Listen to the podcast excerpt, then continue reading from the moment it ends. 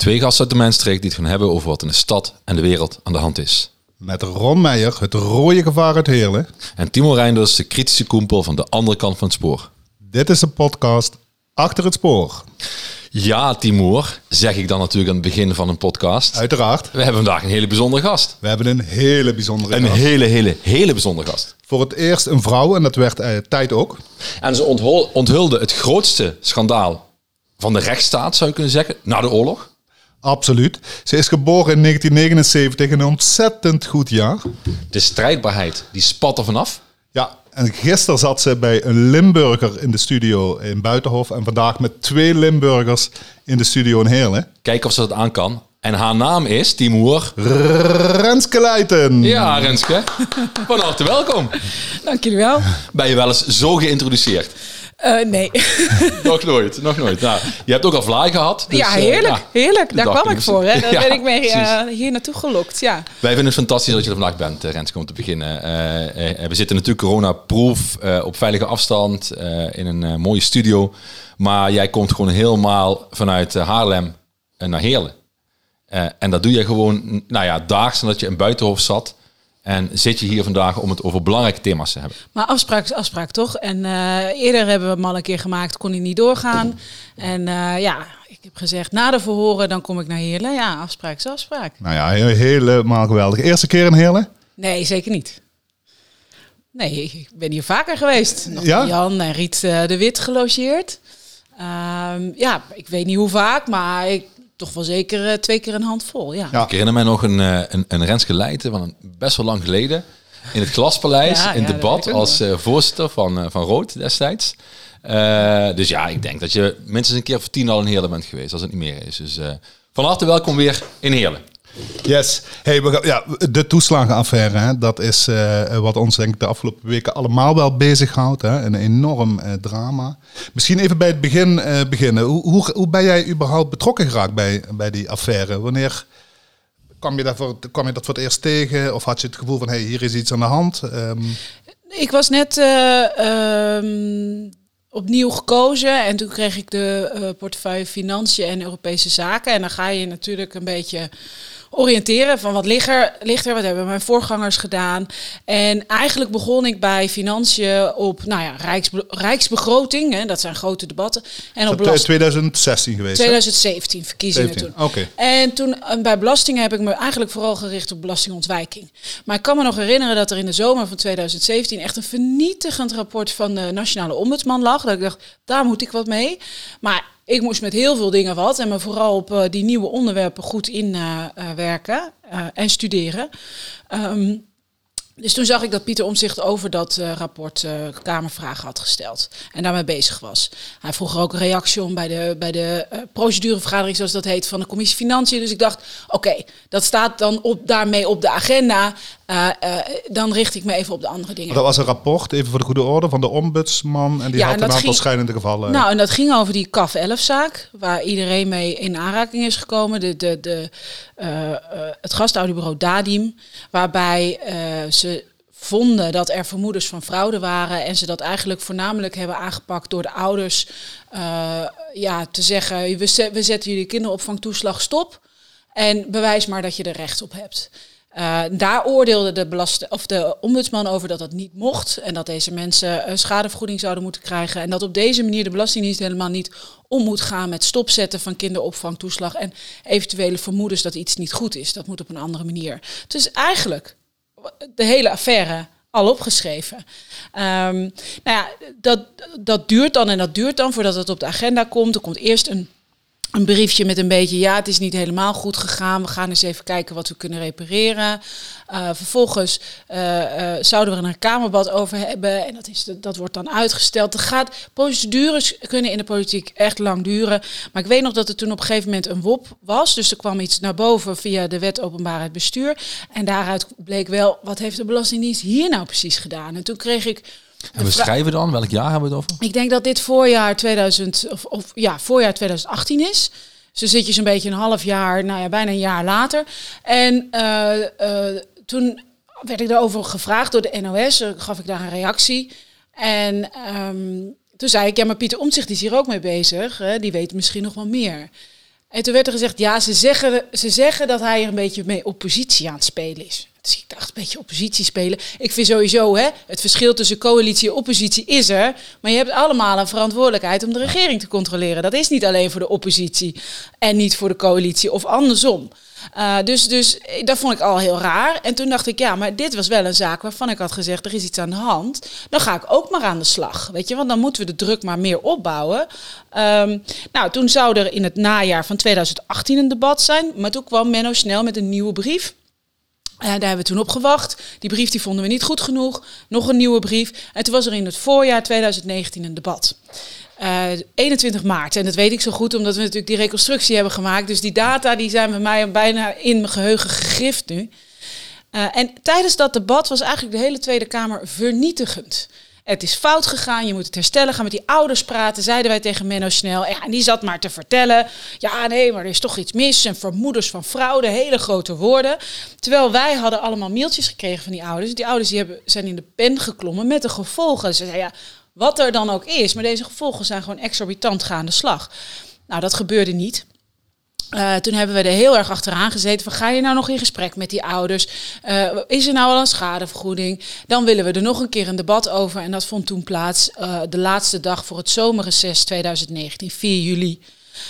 en wat we nu weten uit de reconstructie is dat in die maand daarvoor er echt crisis is geweest op het ministerie. Uh, ze hebben daar dan toch boven tafel getimmerd dat er eigenlijk niks aan de hand was met die ouders. Dat die echt benadeeld zijn. Dat er eigenlijk ook helemaal niks aan de hand was met het gastouderbureau. Dus dat er helemaal waar rook is, is vuur. Er was niet eens rook. Maar toen was het beeld ook nog. Toen ging het over enkele tientallen, wellicht enkele honderden. Ja, was toen ging het, over 300. En ze deden ook nog altijd een beetje voorkomen dat het, uh, dat het ging om uh, dat het toch wel een aanleiding was geweest. Hè? Dus die, dat gastouderbureau werd nog steeds in de verdachte hoek gezet. Maar ja, we hadden al in maart gezegd, kijk, als er een CAF 11 zaak is dan is er misschien ook wel een 1, 2, 300. Even voor de, de niet goed ingevoerde uh, luisteraar. Ja. Uh, KAF, kun je nog eens even heel kort vertellen wat dat uh, wat dat precies, dat team inhield. Ja, dat is het combinatieteam aanpak fraude. Uh, of nee, aanpak facilitators. Uh, dus is een facilitator van fraude. Dat is dus iemand die ja, allerlei klanten onder zich heeft en met die klanten georganiseerd kan frauderen. Dat kan een gastouderbureau zijn, dat kan ook een belastingadviseur zijn, die bijvoorbeeld aan belastingontwijking doet. En na de Bulgarenfraude besloot de Belastingdienst tot een extra managementteam dat alleen over fraude ging. En daar besloten ze dit team in te zetten om, nou ja, daar waar je georganiseerde fraude had, om dat snel op te sporen en snel te stoppen. Dat ging als het ware op jacht, kunnen we achteraf. Uh... Ja, die hebben ook allerlei oude casussen uh, op hun bureau gekregen waarbij ze de vermoedens waren van onrechtmatige zaken bij gastouderbureaus.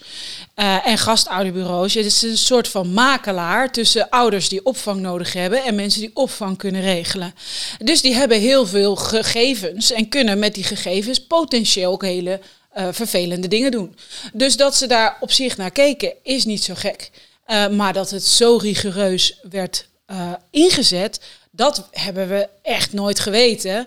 Sterker nog, er zijn heel veel wetten gewoon niet gehandha gehandhaafd. Hè. Individuele toets die je nodig hebt. Het werd gewoon een hele klantengroep van een gastouder werd gewoon aangepakt.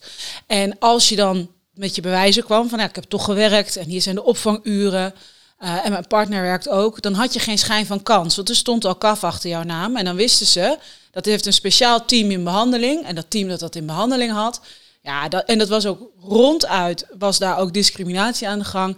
Dit is een zooitje, Antillianen, die Turken moeten niet denken dat. Dat zie je ook gewoon terugkomen in Daarom dat zij ook geen, dat die geen enkel gehoor vonden via gewoon de belastingtelefoon, de standaard manieren om bezwaren te dienen. Die, nee. die deuren waren allemaal dicht, want er stond kaf.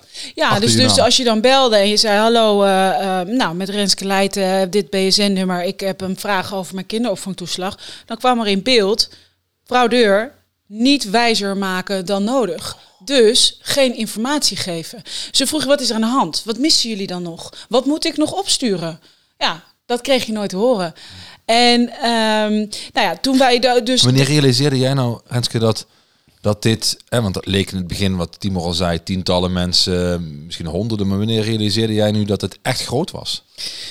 Nou, we zaten nog heel erg op dat kaf. Daarvan had Menno Snel gezegd, de toenmalige staatssecretaris, ja, dat was eigenlijk niet goed. Dat hebben we niet goed gedaan. Dat is in 2013 ingesteld, maar in 2016 is de werkwijze al veranderd. We moeten excuses maken aan die ouders. Uh, maar dat ging heel erg over die kaf 11 zaak. Maar ja, wij zeiden natuurlijk, als er een 11 is, is er ook een 1, 2, misschien wel 16, 1800. Uh, dus hoeveel zijn er nou precies? Uh, nu weten we uit de reconstructie dat ze eigenlijk al wel in beeld hebben, al vrij vroeg, dat er veel meer zaken waren en dus ook veel meer mensen uh, uh, aangepakt waren. Maar dat vertelden ze ons niet. Um, wat wij toen in het laatste debat voor de zomer hadden, toen zeiden we tegen. Inmiddels kwamen, waren we erachter gekomen dat er een klokkenluider, die dus die CAF 11 zaak heeft geholpen. Want wat ze daarin niet alleen deden, waren mensen niet wijzer maken dan uh, nodig. Wat wel natuurlijk had gemoeten. Uh, gewoon fatsoenlijk.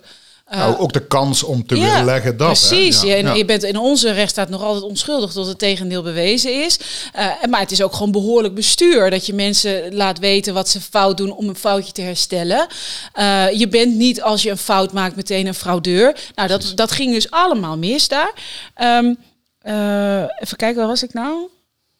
Ja, zie je. Er is zoveel te vertellen. Ja, wanneer ontdekte je dat het heel groot was? Dat was de, dat was je weg. Nou, nee, waar, waar, waar, we achter waren gekomen was dat een klokkenluider, die, uh, uh, die advocaten uit Eindhoven, Eva ja. González Perez, had geholpen. Want ze hielden dus niet alleen die ouders in onwetendheid, ze leverden ook incomplete dossiers aan bij de rechtbank. Ja. Waarbij die rechtbank dus niet zag dat die ouders honderd keer om hulp hebben gevraagd. Ze deden bijvoorbeeld de telefoonnotities er niet in. De telefoonnotities er niet in. Dat is gewoon onderdeel van je dossier. Ja. Wat heb jij gedaan om een mogelijke fout die je hebt gemaakt te herstellen? Ja. Dat moet een rechter meewegen. Kijk, en daar waar je zelf nog door allerlei automatische systemen... keer gebeld had ja, of gevraagd... dat is relevant natuurlijk, ja. En, en weet je, automatische systemen, computersystemen... daar kan altijd iets misgaan met iemand. Daar moet dus eigenlijk al bij de Belastingdienst met, met, met bezwaar en beroep... een fatsoenlijke procedure voor zijn. Maar als dat dan faalt of uitgezet is, dan hoort de rechter dat natuurlijk individueel te toetsen. Maar ja, als die niet een goed dossier heeft. Nou, deze klokkenluider, die werkte bij de bezwaar uh, uh, of bij de beroepsafdeling. Dus dan ben je al in die bezwaren werden allemaal afgewezen van die mensen. Maar dan was je al bij beroep. En die kwam erachter dat dus sommige essentiële dingen niet in de, in de rechtbanksdossiers zaten. En hij heeft ervoor gezorgd dat die stukken bij de rechtbank kwamen. Maar wat was er nou gebeurd? Ze hadden niet gekeken naar goh, wat heeft dat fraudeteam en dat kafteam nou precies fout gedaan? Nee, ze hebben die klokkenluider op non-actief gesteld. Ze gingen achter die klokkenluider aan. Die zat thuis. Die zou mogelijk strafontslag krijgen. Dus wij hebben toen als Kamer gezegd, dat gaat niet gebeuren. Dat hebben we weten te herstellen in dat debat. Uh, we hebben toen ook geëist, want er zou onderzoek worden gedaan naar meer kafzaak, was nog niet eens begonnen. Uh, en uh, ik heb toen al gezegd van ja, weet je, dit, dit is gewoon eens maar nooit meer. Het moet nu echt anders. En we hadden gehoord dat er nog een rechtszaak aanstaande was. Hadden, ik had in het eerste debat al gezegd, ik wil dat de, de Belastingdienst stopt met de rechtszaken. Want het is macht tegen onmacht. En macht van de Belastingdienst die eindeloos veel tijd en ook eindeloos veel geld heeft. Ja. Tegenover gewone gezinnen die dat niet hebben. Uh, dus staak die rechtszaken. En kijk, als mensen zelf in de rechtszaak zitten, ja, dan kan jij ook nog als Belastingdienst zeggen. Uh, we schikken de handel, we zorgen dat het niet voorkomt. Hè? Dus dat was mijn oproep geweest. Een van die dingen die ik dus in jullie vroeg, hoeveel mensen nou? Hoeveel kafzaken en hoeveel mensen? Nou, wilde die niet zeggen. Komen er nog rechtszaken aan? Wij wisten dat er wilde een hij niet zeggen, is uh, Menno Snel. Menno Snel. Ja. En we zien nu dan bij die reconstructie weer dat, het ook, dat hij er ook echt op getraind was om geen getallen te noemen. Want, zo heet dat dan in Haags jargon, ze stonden nog niet stil. Ze wisten nog niet zeker om hoeveel het was. Maar zijn het tientallen, zijn het honderden, zijn het duizenden? Geef dan een indicatie. Doe dan een slag om de arm. Nee, er zei niks. Maar hij wist ook niks van een rechtszaak. En wij wisten dat er een rechtszaak was. Dus toen, toen had ik zoiets van, ja, weet je, hij zit hier gewoon, hij, hij zit ons gewoon voor te liegen. En toen was die rechtszaak, want het was op donderdag was het debat en maandag was die rechtszaak. Daar waren die journalisten van Trouw en RTL bij. En die hadden gezien in die rechtszaak dat de Belastingdienst schuld erkende. Dus die zei, ook deze mevrouw is slachtoffer van de kafaanpak. Uh, en wij willen eigenlijk onze claim dat haar, dat haar beroep ongegrond is, haar bezwaar ongegrond is, willen we laten vallen. En dat was KAF 16. Werd okay. in die rechtszaak duidelijk. toen werd duidelijk dat er meerdere kassen waren. Ja. En toen, ik, ik weet nog heel goed, ik liep naar een uh, bijeenkomst uh, van de SP in Amsterdam. Ik had die journalist van, uh, van de Trouw aan de lijn. En toen zei ik, nou, als ons niet verteld wordt om hoeveel mensen dit gaat, dan gaan we het zelf wel zoeken.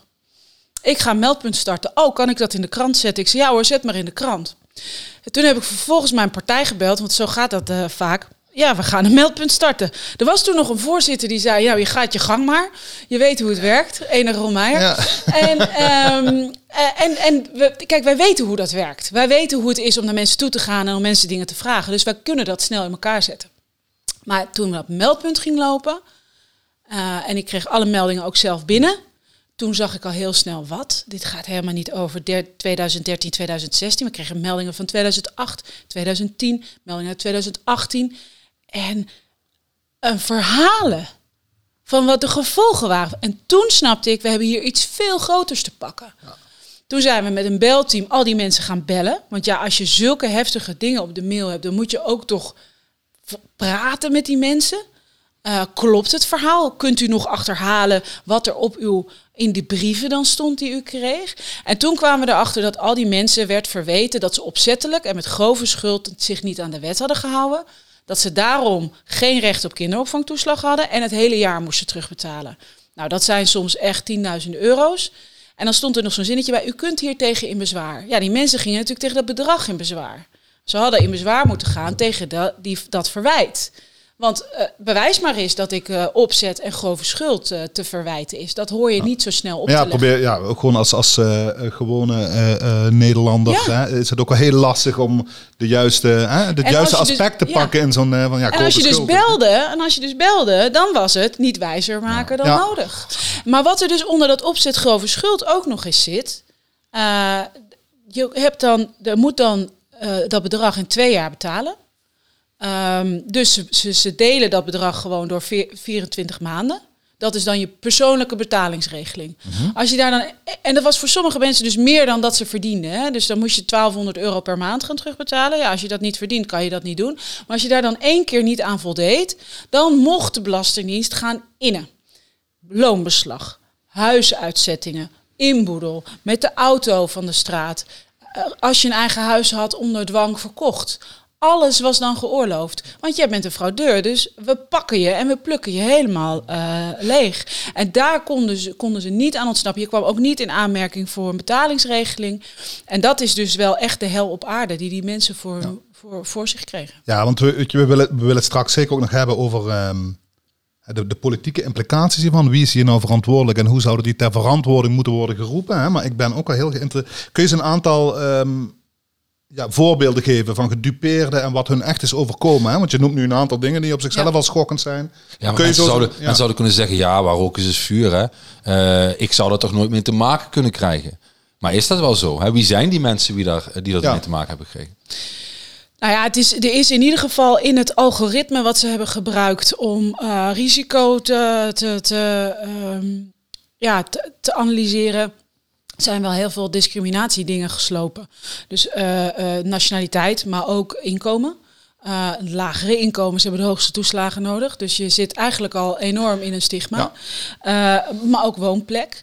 Maar bijvoorbeeld ook als mensen met... En woonplek, hoe, hoe werkt het dan met woonplek? Is dat rondom plekken waar ze al dachten iets gevonden te hebben? Ja, we hebben dus een zwarte lijst aangetroffen in al dat speurwerk. Daarop staat gewoon verdracht adres. En wat dat precies betekent, daar zijn we nog niet achter. Ja, precies. Het zou een buurt kunnen zijn die of armer is, ja, of, of, waar meer mensen wonen met een ja, nationaliteit. Of, of, of, een verdacht adres, omdat daar vroeger misschien een huisjesmelker ja, zat, die daar meerdere mensen... Maar ja, als jij daar nu als gezin woont, dan heb je er niks mee te maken. Of ze hebben er ooit eens een wietplantage. We weten nog steeds niet waar dat verdachte adres vandaan komt, maar dat lijkt mij een invulling. Het maar, zijn ook bijna allemaal uh, sociaal-economische indi indicatoren voor, um, hè, voor mensen die in wijken wonen, omdat ze een wat lager salaris hebben, misschien in wijken wonen waar eerder. Maar bijvoorbeeld dus, ook, hè, dus, want je vroeg een aantal voorbeelden. Ik ik zal je twee voorbeelden geven. Um, een jong stel uh, uh, krijgt veel te jong kind. Twee kinderen. Uh, dat loopt niet lekker. moeder gaat met de kinderen bij haar moeder wonen. want ja, ze, ze, vergeet door te geven aan de Belastingdienst dat ze verhuisd is. In dat dossier staat om, vertrokken onbekend waarheen. VOW, je wordt een afkorting. Ehm, dus je ziet wel dat de Belastingdienst brieven naar haar stuurt. Maar ja, ze hebben geen adres. Dus die brieven die worden aangemaakt, maar nooit verstuurd. Maar zij krijgt dat dus achter haar naam. En dat is een reden om uh, te zeggen dat jij opzettelijk en met grove schuld je niet aan de wet hebt gehouden. Dus zij krijgt OGS. Dus, dus het is grove schuld, inclusief alle implicaties dat had die je eerder uit inzetten. Ja. Omdat je vergeet je adreswijziging door te geven. In dit geval is dat inderdaad daar gebeurd. En dat is dan dus ook niet meer te herstellen. Want dan kwam ze bij de Belastingdienst. En dan zei ze, hier heb je allemaal gegevens, waarom is het niet genoeg? En dan mochten ze er niet wijzer maken dan ze was. En wat was dan die, want jij sprak eerder over die indicatoren. Eh, was dan in dit geval dubbele nation- nationaliteit? Wat, wat is Nee, het dat was bij Wat- deze ouders niet aan de hand. Ze hadden tweeling. We zien veel tweelingen terugkomen. Dus die zit ook ergens in het algoritme. In het zwartboek wat ik heb zitten veel meer tweelingen dan Ja. statistisch in onze samenleving. Overigens ook eh, andere achternamen. Want ze hebben wel degelijk ook naar nationaliteit gekeken. Eh, heel veel mensen die bijvoorbeeld eh, Portugese nationaliteit hebben. of, of uit Suriname komen. Zeker mensen met Marokkaans-Turkse achtergrond. Ehm, maar goed, di- dit gezin is voor 63.000 euro aangeslagen. En heeft eh, tot vorig jaar dat we actie gingen voeren op het absolute minimum geleefd. Hun kinderen zijn nu 13. Dat is, dat is tijd wat je nooit meer inhaalt. Dus ongelooflijk. Ze zijn nog bij elkaar, ook nog. Hè? Hoe, hoe dan bijna? Eh, want dat zie je natuurlijk ook heel veel. Gebroken relaties. Hoezo heb jij die, die, die, die, die, dat, dat verkeerd ingevuld? Hoezo heb jij dat niet geregeld met die belastingdienst? Nou moeten we 20.000 euro terug. Hoezo heb jij... Dat, je gaat elkaar wantrouwen. Ja. Of de familie die tegen je zegt... ja, nou ja, je zou wel iets fout hebben gedaan... want de Belastingdienst die doet het toch niet? Dus dat is heeft enorme implicaties op relaties. En waar het ook implicaties op heeft, is op carrières. Een ander voorbeeld wat ik graag zou geven, het gaat over een, eh, een vrouw. Ik vind het een prachtige, sterke vrouw. ehm, uit een Marokkaans gezin. En zij zegt tegen mij: Mijn toekomst was eh, met een hoofddoek, een schoonmaakbaan en vooral veel kinderen krijgen. En ik wilde die toekomst niet. Ik wilde studeren. En ik heb daar enorm hard voor moeten vechten. Maar ik ging studeren en ik heb mezelf eh, dat leven eh, ja, doorheen geknokt. Wat niet makkelijk is. Ehm, zij wilde economisch zelfstandig zijn. Dus ze kreeg wel een relatie en ze kreeg wel kinderen. Maar ze wilde zelf verantwoordelijk zijn voor haar baan, haar financiën, noem allemaal op. Dus zij vroeg de kinderopvangtoeslag aan. Maar ze heeft een Marokkaanse achternaam. Ze is eruit gepikt. Ze werkte notabene bij de rechtbank. Ze hebben het niet hersteld kunnen krijgen. Je verliest je baan, want je kan geen kinderopvang meer betalen. Dus je verliest je baan. Zij verloor haar huis. Ze wilde niet economisch afhankelijk zijn van haar partner, want dat had ze zichzelf bezworen. Maar werd dat door de overheid? En nu krijgt ze geld terug. Nu wordt hersteld. Er worden excuses gemaakt. Maar waar zit ze in? In twee schoonmaakbanen om rond te komen. Alsof die overheid zegt: fijn dat jij je emancipeert en inknokt. Hè, wat Rutte altijd zegt: je moet je maar invechten. Vrouwen moeten toch gaan voor hun toekomst. Ze zegt: het is alsof ik in mijn nek ben gegrepen. En dacht jij dat je een andere positie had in onze samenleving? Je hoort in de hoek, je hoort in de schoonmaak. Zo voelt zij dat. Dat gaan we nooit meer herstellen. Maar dit vind ik, dit is zo persoonlijk, het is zo ingrijpend. En natuurlijk die auto langs de weg van degene die werkt in de thuiszorg en daardoor niet op de werk komt. Al dat soort. Er is geen verhaal wat je niet onder je huid gaat zitten. Maar er zijn er een paar waarvan ik echt denk. Even een belastingambtenaar die jou in de ogen had gekeken en die had gezegd: Ik pak je dossier erbij en ik los het op. En dat leven was goed gelopen. En waarom zeg ik dat van even een belastingambtenaar die dat deed? In meldpunt van, van zomer 2019 had ik ook een melding van een moeder die zei: Het is mij ook overkomen. Maar ik heb rechten gestudeerd en ik ben gewoon met het rechtboek op de balie gaan slaan. En toen is er een senior medewerker naar me toegekomen en die heeft het toen staande eh, heeft hij het aangepast. Ik heb haar gevraagd, wil je je verhaal doen? Want dat vind ik jou zo belangrijk. Want ja, je hebt dus kennis nodig van de taal, van het recht. Zij zei, jullie verwijten mij opzet grove schuld. Kom maar met de bewijzen. Dat kan je me niet zomaar voor de voeten werpen. Maar zij, Zij ja, wist, maar zij wist wat ze zij vragen wist moest. wat Ja. ze moest doen. En uiteindelijk heeft ze ervan afgezien om eh, nou ja, het woord hier op te voeren. Omdat haar man ook bij de overheid werkt. En zei, ja, dat, ik ben bang voor mijn baan. Zie hoe diep dat dan gaat.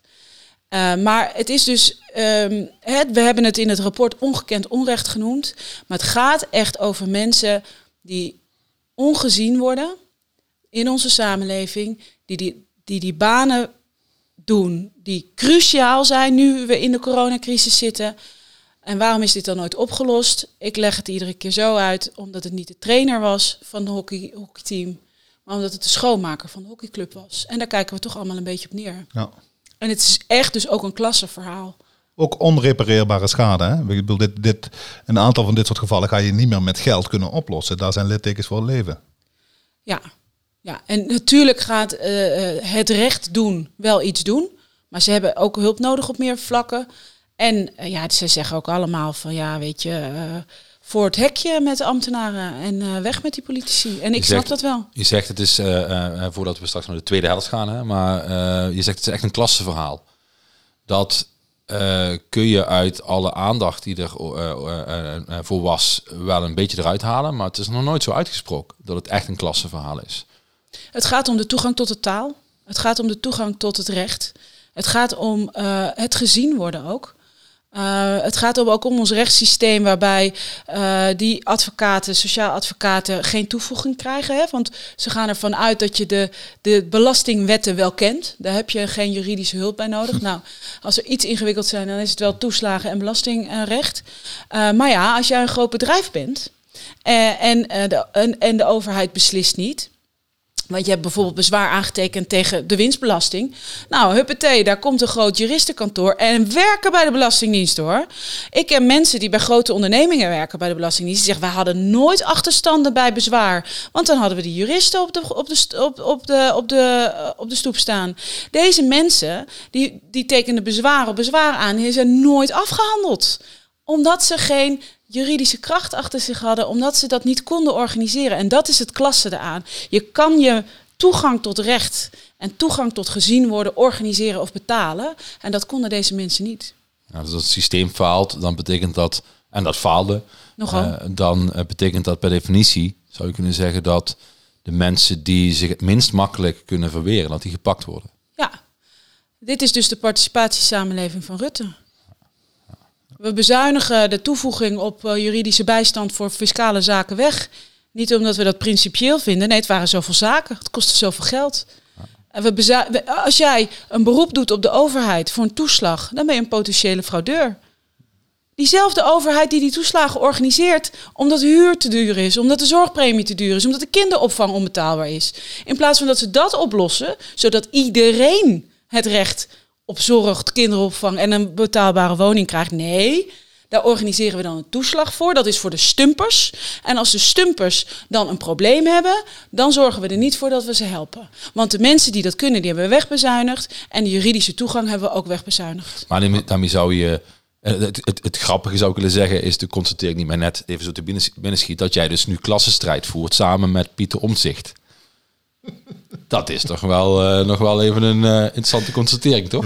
Ja, en voor hem zit het heel erg op die rechtsstaat. En dat vind ik ook. En terecht. En terecht. Uh, want dat, het, het, is ongekend. En het is ook weer ongekend als het gaat over onze mogelijkheid om dit, de regering te controleren. Hè? Want daar komt het ook, dat is ook falen van de rechtsstaat, het falen van de democratie.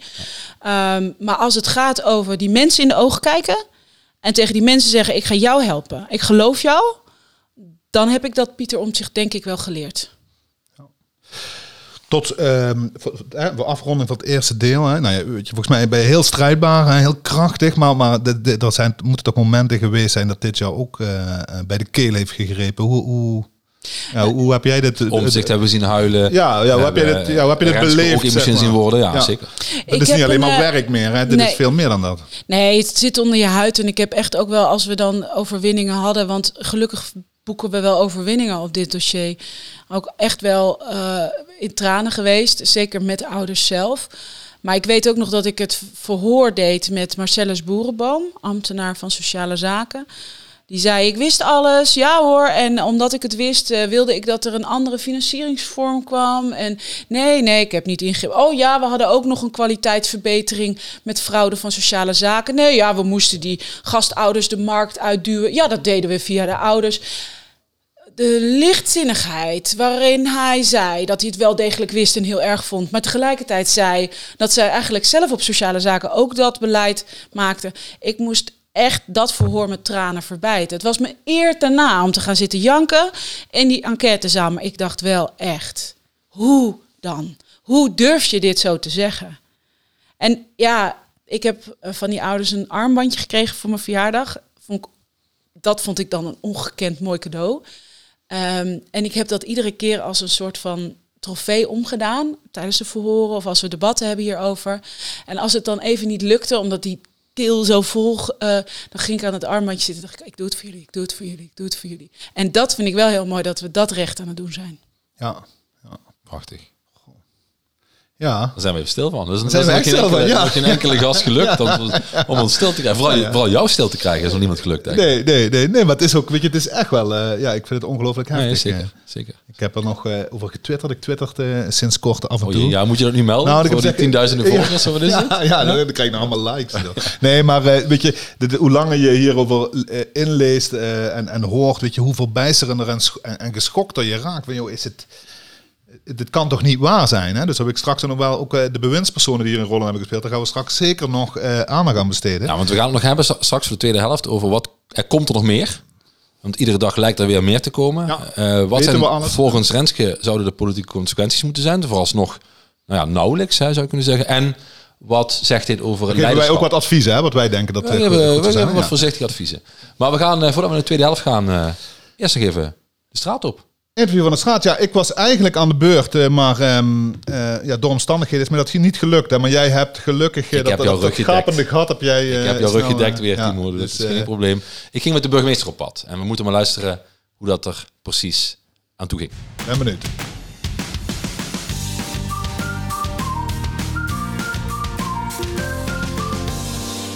Ja, Timo, ik sta hier in de Bernardinuskapel, oftewel de gemeenteraadzaal van Heerlen, geheel coronaproof. En ik sta hier bij niemand minder dan Roel Wever, de burgemeester van Heerlen.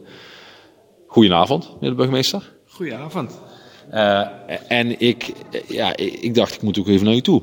Want er is vorige week het een en ander in Heerlen gebeurd. En ja, er is heel veel over geroepen en geschreven en getweet en wat nog meer, niet meer al. Wat is er nou precies gebeurd? En waar was u nou het meest verbaasd over? Moet ik misschien wel vragen. Ja, nou, ehm, ik zal het proberen zo goed mogelijk uit te leggen. Het is een, een, situatie die al lang aan de gang is. Eh, in april ontstaat er tussen twee buren onrust. En dat zit hem in geluidsoverlast, dat zit hem in meldingen over en weer.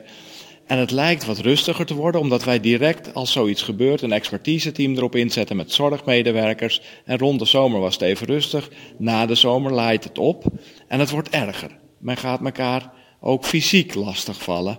Wat uiteindelijk leidt tot het vlucht van een van de gezinnen.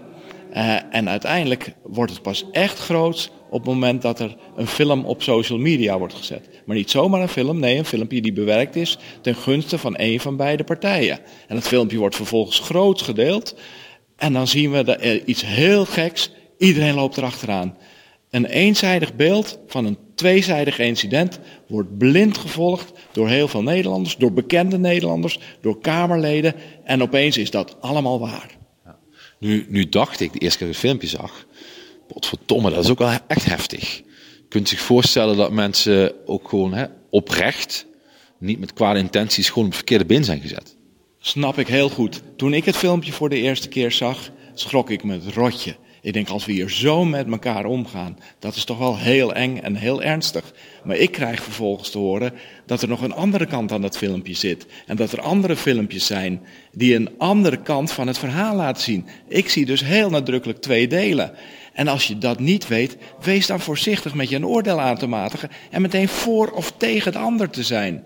Dit is niet voor of tegen een ander. Waar het hier om gaat is dat mensen in een samenleving met elkaar leven en dat we moeten proberen te kijken wat er nou echt aan de hand is en dan pas je oordeel te vormen. En daar heb je heel veel partijen voor nodig, want over en weer zijn hier meldingen bij de politie binnengekomen. Over en weer zijn hier aangiftes gedaan. En die politie moet al die meldingen en al die aangiftes onderzoeken.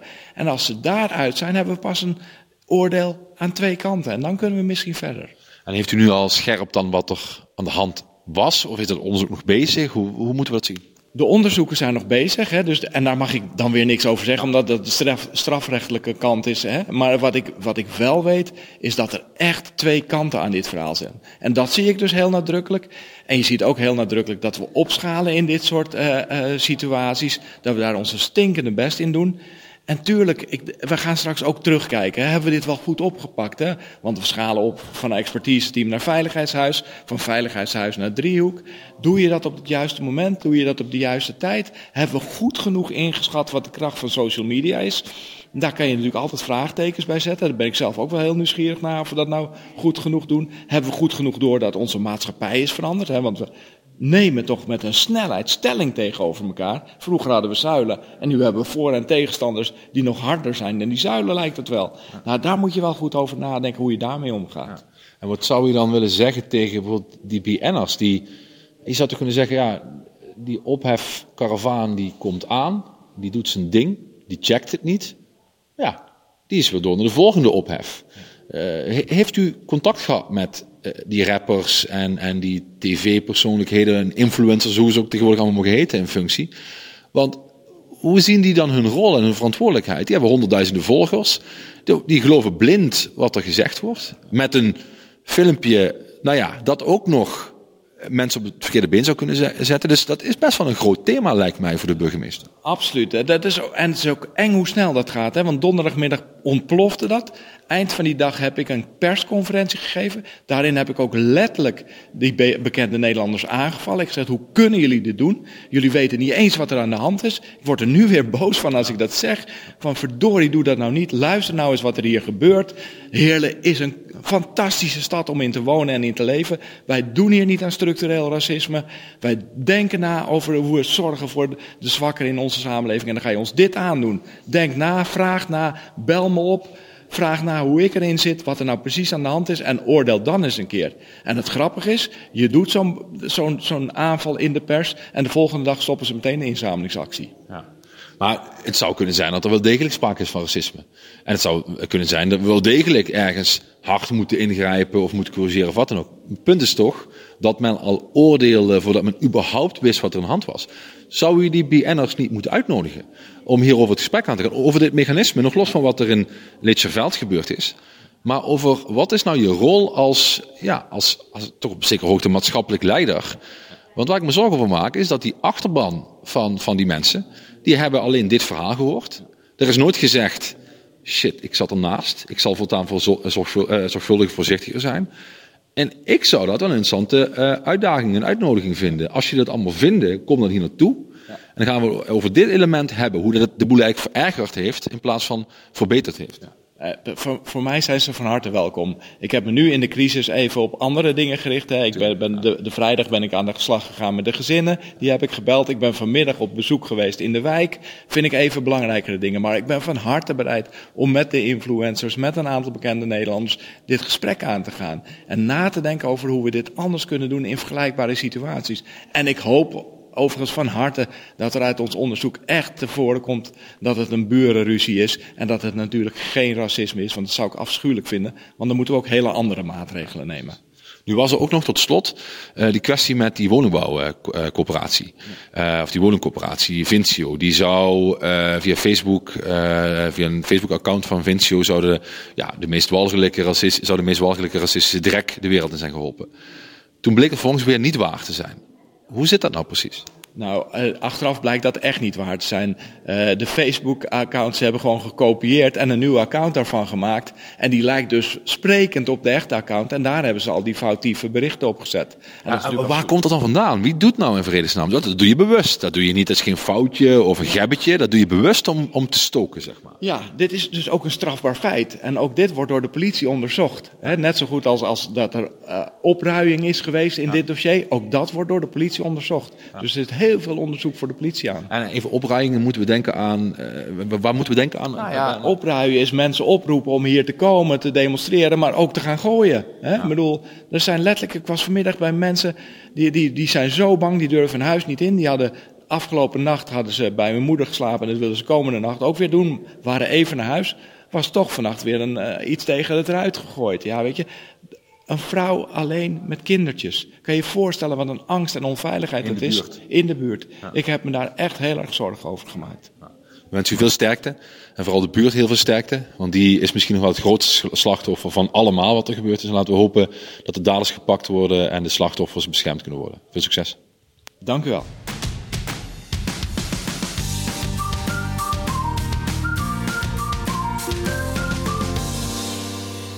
Ja, Ron, uh, jeetje, wat een verhaal hè. Hoe dat, uh, hoe dat sociale media in één keer, uh, bij wijze van spreken, hier gewoon een, volledige oorlog in een, in een wijk in Heerlijk kunnen veroorzaken. Hè? Nou ja, als niet veroorzaakt, maar wel versterkt. En ik denk dat, ja, wat is een relatie met de toeslagaffaire, als er niet goed naar de feiten gekeken is, dat al geoordeeld wordt, als mensen veroordeeld worden zonder dat er naar de feiten gekeken is, ja, dan krijg je dus olie op het vuur. En wat dat betreft zou ik willen beginnen, Renske, in de tweede helft uh, met een, uh, een, een, zin van uh, Thijs Broer uit, Vrij stuk, uit zijn stuk van Vrij Nederland van ongeveer een week geleden. En die luidt als volgt. Tienduizenden mensen onterecht van fraude beschuldigd, hun leven, levens systematisch de vernielingen geholpen, huisuitzettingen, loonbeslagen, duizenden kinderen die in armoede moesten opgroeien, gebroken huwelijken, zelfmoordpogingen van achtjarigen, de Tweede Kamer die werd voorgelogen, zwartgelakte dossiers, talloze ambtenaren, bestuursrechters, Kamerleden en bewindslieden die toen het erop aankwam de andere kant op keken of zelfs moedwillig doorgingen met het afknijpen van onschuldige burgers en tot overmaat van ramp, de systematische weigering de gedupeerden snel en ruimhartig tegen moeten komen. Einde citaat. Ja, daar ja, worden wij ook even uh, stil van. Ja, zeker. Maar uh, het goede nieuws is, de bewindspersonen hebben nu allemaal ruidelijk toegegeven uh, dat dit schandaal uh, waar is en dat ze gigantische fout zijn ingegaan. Dus die compensatie die wordt nu binnen nu en twee weken geregeld. Nou ja, wat mij betreft wel, maar dat is helaas niet de praktijk van de Belastingdienst. Uh, we hebben voor de zomer een wet moeten behandelen om de compensatie mogelijk te maken. Toen werd er gezegd, als de Tweede Kamer nu geen haast maakt, dan hebben jullie daarvan de schuld dat mensen geen compensatie krijgen dit jaar. Er werd ons beloofd 5000 mensen, het zijn er nog geen 500 geworden. En ze maken het procedureel zo ingewikkeld dat die mensen eigenlijk weer klein gemaakt worden. Maar hoe kan, hoe kan dat nu? Eh, we, we, kunnen in drie uur tijd in een debat in dit land uh, beoordelen of we een bank moeten redden. Uh, of miljarden worden uitgegeven aan links. Maar hoe kan het nu? Ik, zou, ik ben een super pacifistisch persoon. Ik zou, ik, toen ik dit hoorde, werd ik agressiever van. Ja. En dan moet jij nog veel meer hebben dan ik. Het is bizar. Ik had toevallig onderweg. Nee, maar ik had toevallig onderweg hier naartoe. Een van de mensen die echt strijders ook van het eerste uur. Die heeft een zeven jaar lang teruggevorderd gehad. En nu heeft de Belastingdienst beslist dat twee jaar toch wel rechtmatig is geweest. Alleen toen heeft ze die toeslag nooit gehad. Want hebben ze meteen van haar toeslagschuld afgetrokken. En dan moet zij over die twee jaar moet ze straks naar een andere commissie om daar die schade te claimen. Ze weten dat ze het moeten gaan betalen fix het gewoon. wat het dan is, ik denk dat het te maken heeft met uh, nu alles goed willen doen. Hoe dan? Ik denk dat, dat je het gewoon alleen maar goed maakt door heel snel. Ik heb nu voorgesteld, maak er een, uh, een, een soort van wasstraat van. Uh, waarin je erin gaat. En als je eruit gaat, dan weet je wat je krijgt. Dus de auto is vies aan het begin, schoon aan het einde. Dus je komt binnen, uh, hallo uh, meneer Meijer, uh, dit BSN-nummer, wat is u overkomen? Je vertelt je verhaal. Ondertussen gaan ze in alle processen kijken, wat is er teruggevorderd, wanneer was dat? Kunnen we bewijzen dat dat terecht was? Dat kan de Belastingdienst. In 4 tot 96 procent van de gevallen niet. Dus huppatee, uitkeren. Dan kunnen ze het gewoon. En dan is de tweede fase er, want dit is nog de compensatieregeling. De werkelijke schade die je hebt opgelopen. Schulden er elders. Het verkochte huis. Die auto's die van de straat zijn gehaald. Uh, maar ja, weet je, er zijn ook gewoon. Uh, uh, carrières, hè, waar ik het over had gesneuveld. Ja, daar staan ook bedragen tegenover. Maar dat is dan de tweede fase. Dan moet je secuurder gaan kijken naar ja, uh, geef niet iemand zijn uh, studieschuld bij wijze van spreken op die je daarvoor hebt opgelopen uh, voor die compensatieregeling. Um, en en dat, kan dus, gewoon. Er zit dus in die eerste fase nog steeds argwaan dus in. Hè? Dus die mensen zijn gewantrouwd. Zeven maanden zijn sommige mensen bezig en dan wordt er gezegd, we hebben je dossier doorgestuurd, wacht maar. En dan zijn er allemaal dure ambtenaren mee bezig, vast met de beste bedoelingen, want iedereen doet altijd alles met de beste bedoelingen. Maar die ouders zitten te wachten. En ieder uur te lang wachten is nieuwe onzekerheid. En iedere dag extra wachten, terwijl je nog geen geld hebt, is weer niet het kind geven wat het nodig heeft. Weer niet die nieuwe winterjas. Weer niet dat, dat, dat verjaardagscadeautje Nog steeds geweigerd worden voor een huurwoning, omdat je Ook staat gekenmerkt als wanbetaler. Of, uh, ja. Nou ja, ik heb dat gisteren bij Buitenhof gezegd. Uh, en wat gebeurt er natuurlijk vandaag met dat gezin? Die worden gebeld en die worden nu geholpen. Maar het is toch onbestaanbaar dat mensen eerst in de krant moeten komen, via Pieter en mij in het nieuws moeten komen met je shit op straat, want dat is wat het is. Ze staan in het Algemeen Dagblad met een foto, naam, toenaam, kind erbij. Ja, en dan gaan de systemen wel werken.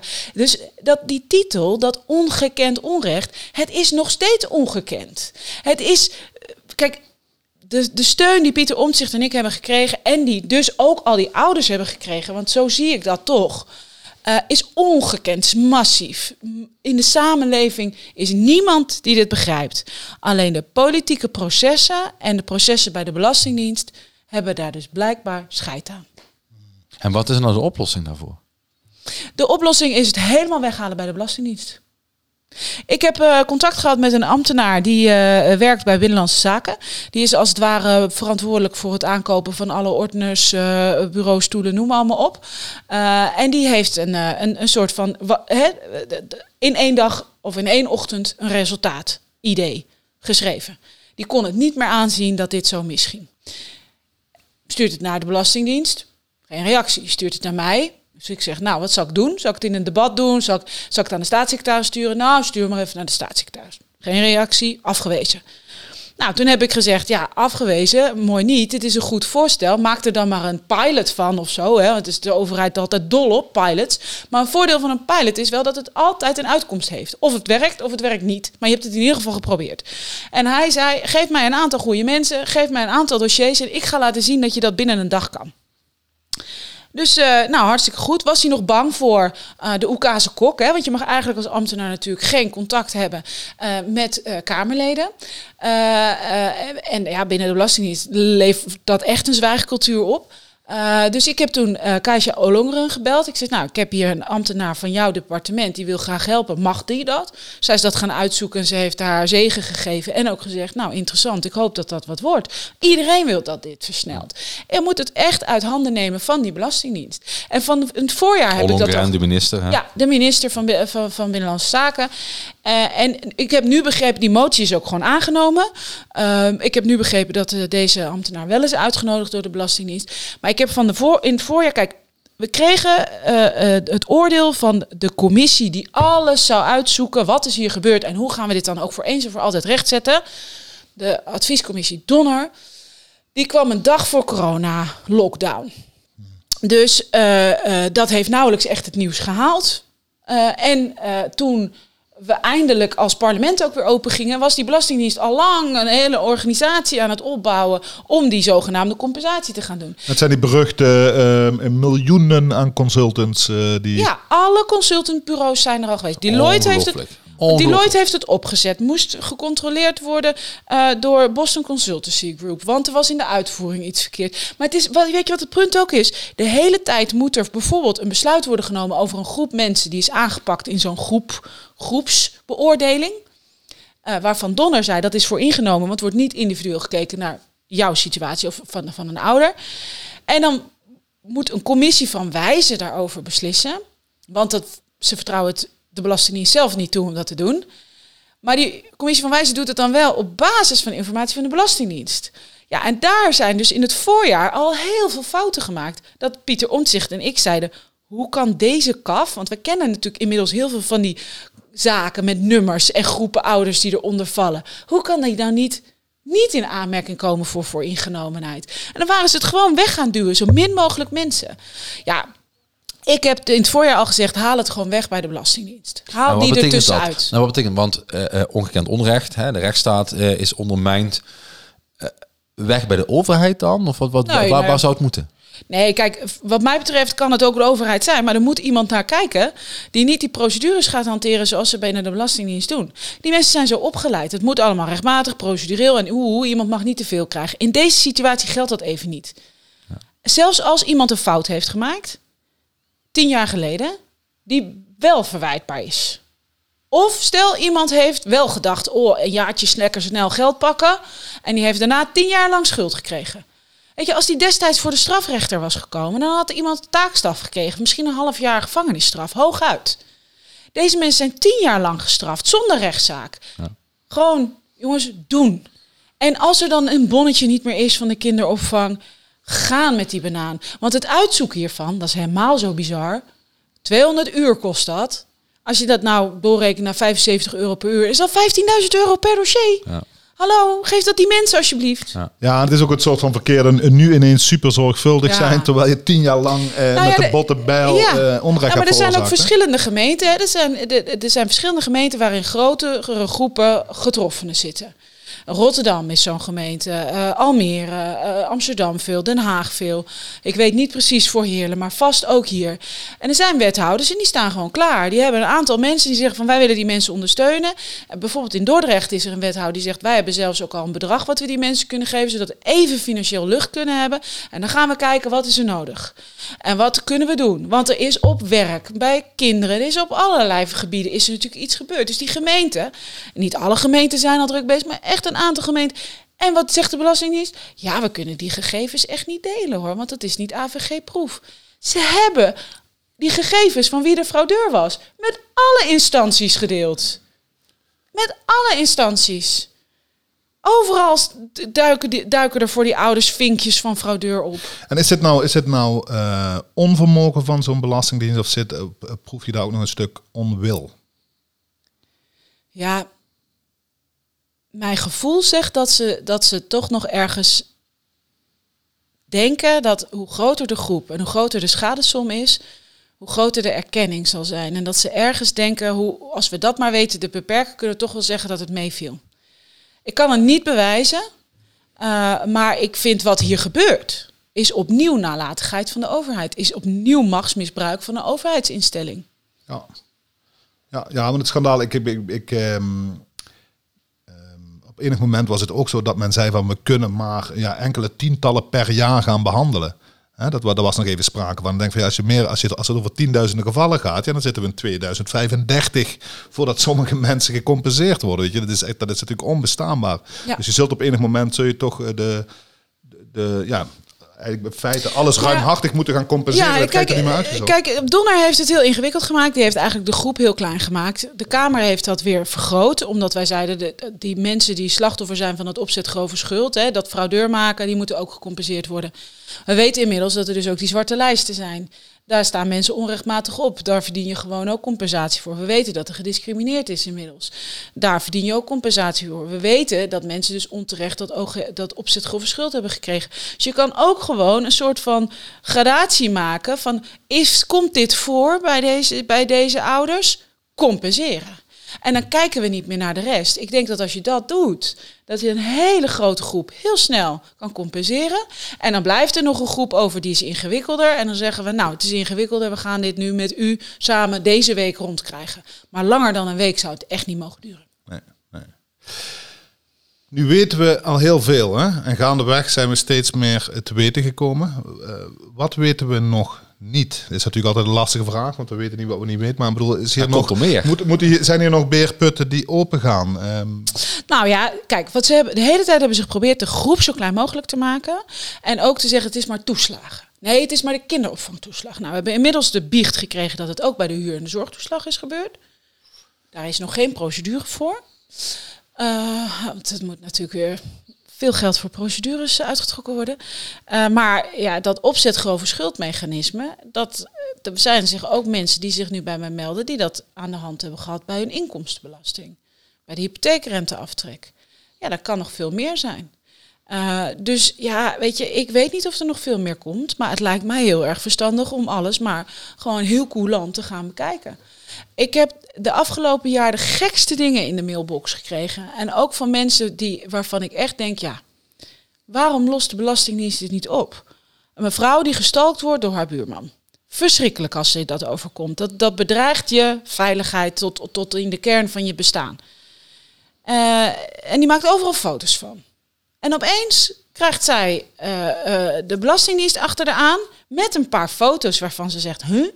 En ze beweren dat zij en haar vriend samenwonen. En omdat ze samenwonen, nou, fiscale partners en de hele rimram. En zij zegt, hoe komen jullie eigenlijk aan die foto's? Want haar vriend, inmiddels ex-vriend, die heeft ook zo'n dossier. En daar zijn ze erachter gekomen dat die foto's zijn aangeleverd door die stalkende buurman. Ja, dat is onrechtmatig verkregen, verkregen bewijsmateriaal. Die buurman die heeft nou voor de rechter gestaan. Die is veroordeeld. Maar de Belastingdienst gebruikt nog altijd zijn foto's om die mevrouw achterna te zitten. En zij vraagt alleen maar aan de Belastingdienst: hoe komen jullie aan die foto's?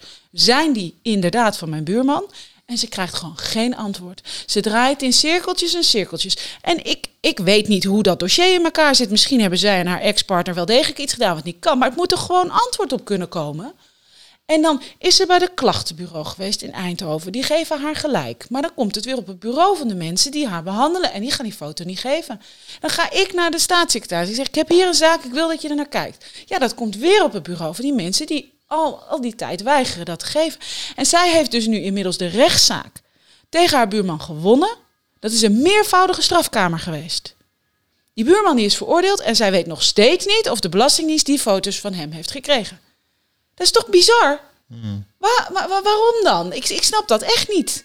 Waarom kan je niet gewoon open en eerlijk zijn? Ja, waarschijnlijk omdat er een verhaal achter zit. Omdat ze eh, met onrechtmatig gekregen bewijs aan de haal zijn gegaan. Ja, dan moet je die zaak dan maar schikken, seponeren, schadevergoeding betalen. En door. Want die mensen kunnen niet door met hun leven. Maar het, gaat, het, is, was het maar het enige wat je hoort. Maar wat we in ieder geval in die toeslagenaffaire hebben gezien, dat is die zwarte lijst. Daar weten we nog niet alles van. Hè? Dat, dat, dat besmette adres of besmette postcode is het wel hoe het erin staat. Eh, we, we weten op, op, op de discriminatie en die algoritme, die risicomodellen en die risicoselectie die ze hebben toegepast, weten we ook echt nog niet alles. Dat, dat, dat willen ze ons wel vertellen, maar dat moet dan vertrouwelijk. Nou, dat doe ik niet, want dan mag ik er nooit over praten. We weten dat die zwarte lijst actief gedeeld is met andere overheden.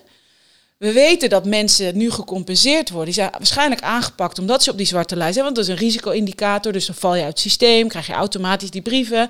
Nou, en dan ging je de gegevens leveren en dan stond je achteraan, want je was fraudeur. Hè? Dus het is een enorme cirkel waar je nooit meer uitkomt. Of een enorme En is er nog een risico Maar dat er maar andere er- overheden... eh, maar er zijn dus slachtoffers geboekt op die zwarte lijst. Die doordat ze als slachtoffer op die zwarte lijst kwamen, weer ja, als dader zijn aangepakt. Ja.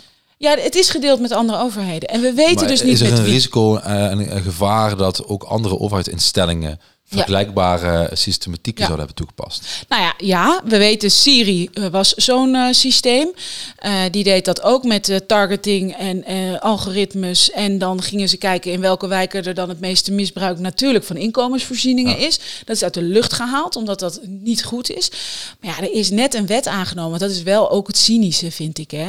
Die hele gegevensdeling. En dat moeten we doen, want dan kunnen we de boeven vangen. Eh, dat is al hele lange tijd de tunnel. Ik heb dat ook bij de zorg gehad. Moet die data maar koppelen, want dan kunnen we de rechtmatigheid vaststellen. Ja, dat is voor een chronische patiënt een prima idee. Maar voor iemand die niet ziek is, is het echt onzin dat mijn gegevens van de laatste keer bij de, bij, bij- de huisarts voor een blaasontsteking, bij wijze van spreken, er overal liggen. Dat is echt onzin. Ja, en het vertrekt vanuit de aanname van een, ehm, een, een, een correct functionerende, moreel act, eh, dat. opererende overheid. En Maar als je dat hebben- niet doet, dan hebben we wel een probleem Ja, maar er is dus nu net een wet aangenomen, twee weken geleden. En die gaat dus over de gegevensdeling voor de eh, opsporing van de georganiseerde criminaliteit. En wij willen natuurlijk allemaal, en eh, en we weten hoe belangrijk het is, dat dat, dat corromperen van gewone mensen. eh, door de georganiseerde criminaliteit, dat dat een groot vraagstuk is. Maar zorg dan voor voldoende agenten op straat. Zorg dan voor voldoende politiebureaus in de buurten. Zorg er dan voor dat, dat je dat allemaal opbouwt. Nee, nu gaan ze gegevens met elkaar koppelen en dan krijgen ze de boeven wel gevangen. Het grote risico daar is dat je weer een systeem gaat bouwen waarin je automatisch 10-0 achter staat om bepaalde kenmerken. En Amnesty International eh, heeft gewaarschuwd, eh, de Raad van State waarschuwt ervoor, die gegevensdeling die ze daar gaan doen, waar gemeenten ook aan mee moeten gaan doen, politiesystemen, noem allemaal op. Dat, dat is in de kern een potentieel toeslagenaffaire 2, maar dan wel nog met forsere consequenties als je in die molen komt. Moeten we niet überhaupt... Dan ga ik naar wat, naar wat grotere oplossingen, niet van deze affaire, maar überhaupt moeten we niet voor alle toeslagen af? Ja, Want mensen verdienen gewoon te weinig en daarom hebben ze kennelijk een toeslag nodig. de, eh, de- eh, het is te weinig verdienen. Maar het is ook dat de kinderopvang natuurlijk te duur is. Kijk, ik, ik zie de kinderopvangtoeslag als subsidie voor de kinderopvangbureaus. Alleen dat loopt via de bankrekening van een ouder. Die kinderopvangbureaus die staan gewoon in de handen van hedfunds. Die maken gewoon 7, 8 procent per jaar op de kinderopvang. Kappen met die shit.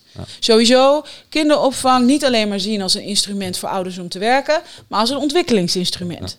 We weten dat vanaf 2,5 jaar kinderen de taal en, de, en, en, en cijfers zich enorm ontwikkelen. Ja, als je dat niet voldoende wordt aangeboden, omdat de taal niet goed gesproken wordt, of noem maar allemaal op, ouders afwezig zijn, eh, dan, eh, dan, dan loop je dan al een achterstand op. Dus zou prima maak die kinderopvang gewoon gratis, voor iedereen. Vier dagen. Ik bedoel, dat, dat moet te doen zijn. Het is ook in- integratie. Maar dan heb je de kinderopvangtoeslag niet meer nodig. Bij de zorg stellen wij al jaren voor, maak een inkomensafhankelijke zorgpremie. Heb je 6 miljo- miljard aan zorgtoeslag niet meer nodig. Ja, en met die huren gewoon niet accepteren dat die huren zo hoog zijn. Niet accepteren dat iedere mogelijke woning door een pandjesbaas wordt opgekocht, wordt omgetimmerd tot een een of andere cash cow, waar je de hoogste, de hoogste prijs betaalt. En dan moeten wij dan subsidiëren. Wij moeten dus die huisjesmelkers subsidiëren met huursubsidie. We zijn toch gek? Dus het is, en dit is het beleid van de, VVD en de het CDA. hè? via de Ja, kinderopvangtoeslag. dus we, dus, we, dus we privatiseren de zorg, waardoor de prijzen de pan uitgaan. Voor die zorgverzekeraars die winst willen maken. We, we, we, we laten die huursector exploderen omdat we en te weinig bouwen. En omdat we gewoon vinden dat, ja, je gaat maar kopen, huren is eigenlijk inferieur. Hè, want dat zit er ook onder. En, en, en je laat die, die kinderopvang een markt worden waar veel fors geld wordt verdiend. En oh, mensen kunnen het niet betalen. Nou, dan subsidiëren we dat via de bankrekening. Bizar. En als je dit dus gaat doen, en je maakt dat betaalbaar, dan zal je ook zien dat de mensen inderdaad veel te weinig verdienen. Want nu zie je dat natuurlijk onvoldoende. Mensen hebben een karig loon, krijgen een toeslag en die vullen gaten met gaten. En die kunnen zo net een beetje alles rondbraaien. Als die toeslagen wegvallen, omdat die kosten wegvallen, zal je zien dat de, dat de salarissen veel te laag zijn. Nou, sterker, ik ken ehm, mensen die een loonsverhoging hebben geweigerd omdat anders al hun toeslagen wegvallen. Hè? Dus dat, is nog het, dat is nog het helemaal eh, bizar als je erover nadenkt. Dus mensen Ja. zeggen, laat die loonsverhoging maar zitten, want anders dan kom ik eh, eigenlijk financieel belabberder uit. Eh, want dan heb ik geen recht meer op mijn toeslagen. Ja, maar bijvoorbeeld die, die eh, zorgbonus. Eh, Die kan voor mensen heel lelijk uitpakken als het gaat over het recht op toeslagen. Wij hebben zelfs gevraagd voor de mensen die in de piek, zeker de eerste piek, maar nu ook weer extra moeten werken. En dan verdien je één, twee maanden dus extra geld. Want ja, dan werk je je over de kop. Dat is niet een structurele inkomstenbron. Hè? Dus en en Nee. ja, die huurtoeslag, die zorgtoeslag is, zorgtoeslag is voor structureel Ja. stutten van je dingen. Maar dan kan het dus zijn dat je door een piek in, van de corona extra werkzaamheden nu en in het najaar te veel verdient. En dan mag je volgend jaar lekker al je toeslagen Ja, terug gaan betalen. Het is echt bizar. En we hebben gevraagd van maak daar een meldpunt voor of wat dan ook. Maak er een coulanceregeling voor. Nou, ingewikkeld. Ingewi- doen we niet. Nou, ik durf je nu te zeggen dat we in maart, april de mensen moeten gaan opvegen die dus al hun toeslagen moeten gaan terugbetalen, omdat ze overgewerkt hebben in de pakketdienst, in onze ziekenhuizen en noem maar op. En weer zijn dat dan de mensen die het harde werk doen met weinig salaris. En die worden dan weer, ja, dan had je maar niet zoveel moeten verdienen, als stumpers weggezet. Dus we hebben hier een hele even de huren verlaagd, de inkomens verhoogd, de kinderopvang Gratis in gemaakt. eigen handen genomen en gratis gemaakt. Nou, de zorg doen we ook nog het een en ander. Eh, eh, pas dan, wel die volgorde, want ik hoor sommige liberalen al denken, hey, eh, als ze zelfs bij de SP voorstander zijn van het afschaffen van de toeslagen, pik binnen tot winter. Hè? Eh, Ja, maar daarom dus wel in de volgorde van eerst de inkomens eh, fixen Ja. en dan pas de toeslagen afschaffen. Zeker, en dat is natuurlijk ook de volgorde hoe de toeslagen er zijn gekomen. Ze hebben eerst die zorg geprivatiseerd met die, met die enorme eh, premiestijging en de huren geliberaliseerd. En de kinderopvang ook geprivatiseerd. Want het is wel degelijk allemaal, is allemaal balken en de eh, eh, eh, twee geweest. Ja. Het kabinet VVD, CDA, D66. En toen zagen ze, shit joh, die mensen die kunnen dat niet aan. Wacht, we, verdienen een, we, we- we verzinnen een toeslag. En nu wordt er dan gezegd, ja, maar ja, zelfs de SP heeft ingestemd met die toeslag. Ja, nogal wie dus. Onze strijd lag op het voorkomen van het zorgstelsel of het privatiseren van de kinderopvang. En als je dat verliest, dan ga je niet zeggen, laat de mensen dan maar eh, financieel in de kou staan. We gaan straks ook nog even kijken naar je liefde met eh, Pieter Omtzigt, zou ik willen zeggen. Ehm, je bijzondere eh, liefde tussen grote aanhalingstekens, liefde in dit geval. Want je hebt een geweldig gezin en een eh, fantastische echtgenoot. Maar ik wil eerst nog even naar de politieke consequenties. Want ja, als je deze ellende hoort, je leest dat rapport... we hebben lopen strepen en aantekeningen lopen maken, hè, tijdens het lezen van het rapport. En die eerste zin van Thijs Broer uit het stuk van Vrij Nederland. Dan denk je, hoe kan het nou toch dat op snel na eigenlijk. Dat, Maar die nam geen politieke verantwoordelijkheid, hè? Eh, ook nog, ook Die, nog. voelde, die voelde geen vertrouwen. Dus dat er Die eigenlijk geen- voelde dat hij geen meerderheid meer had in de Kamer. Dus dat betekent dat je eigenlijk, eh, eh, in het verleden is het begrip sorry-democratie eh, nog eens eh, neergezet.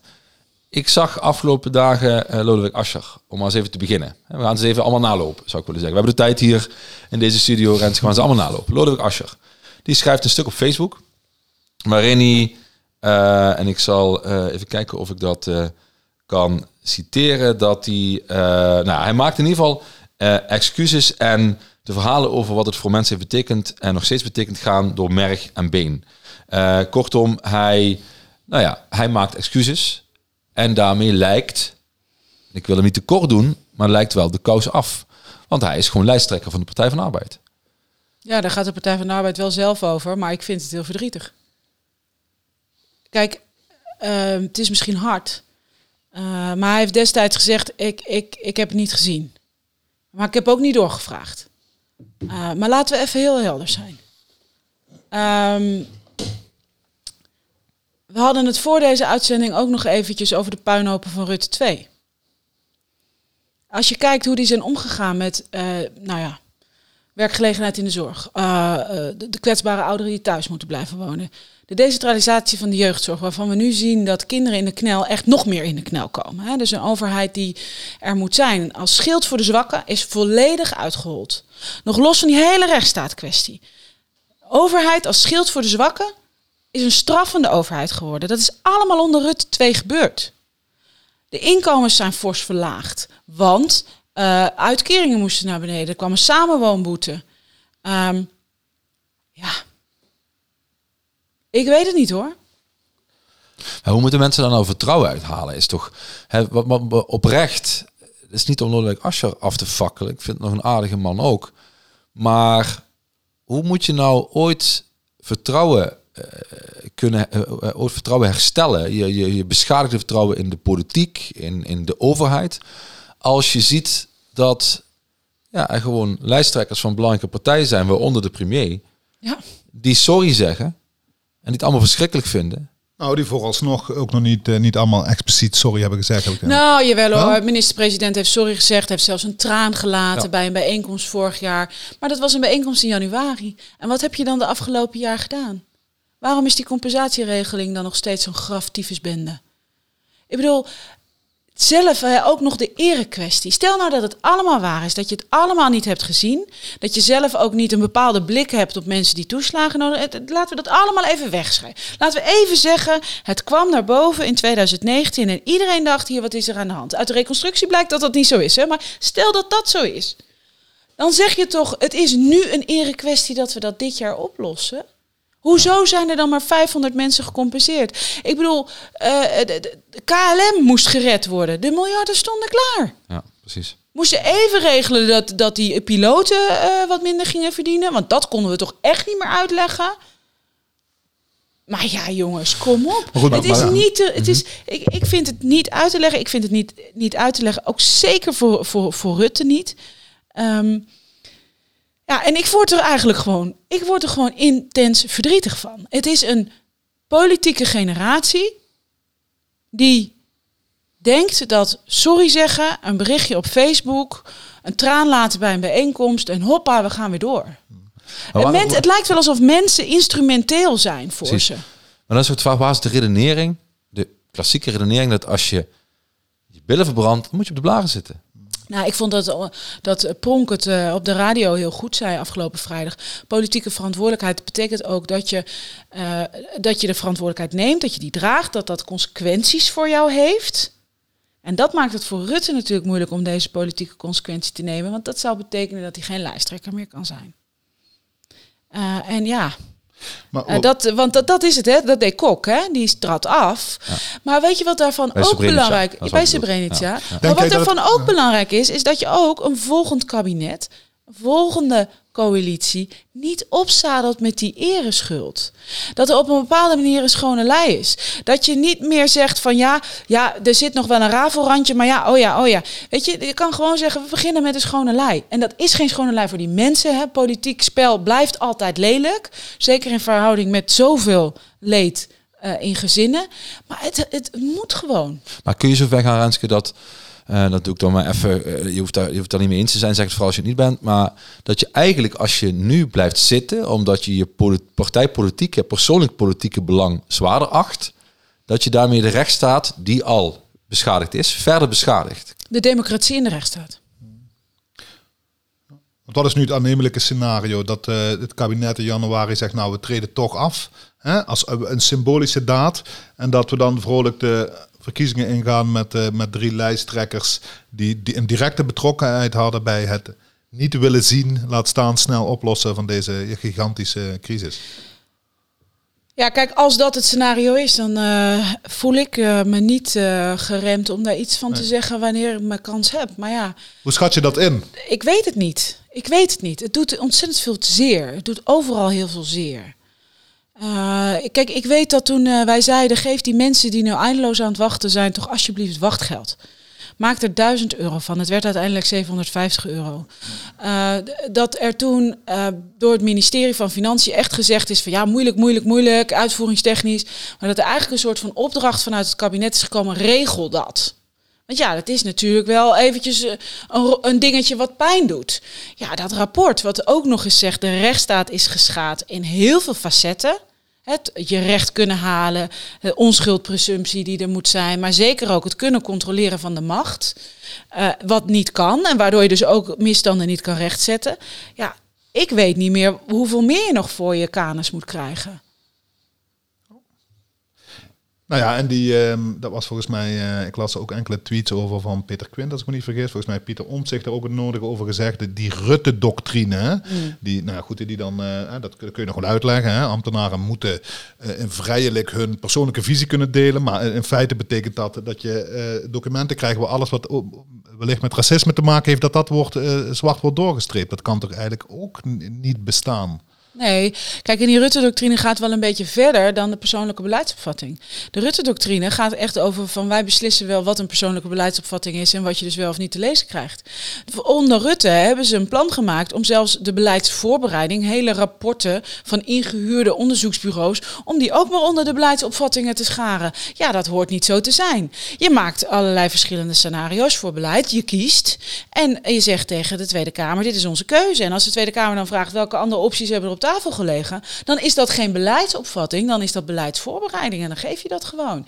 Nee, we hebben dat gezien in dat memo van die eh, eh, jurist van de Belastingdienst, mevrouw Palme. Die heeft gezegd, er is hier laakbaar gehandeld. Je had dit niet moeten doen als in 2017.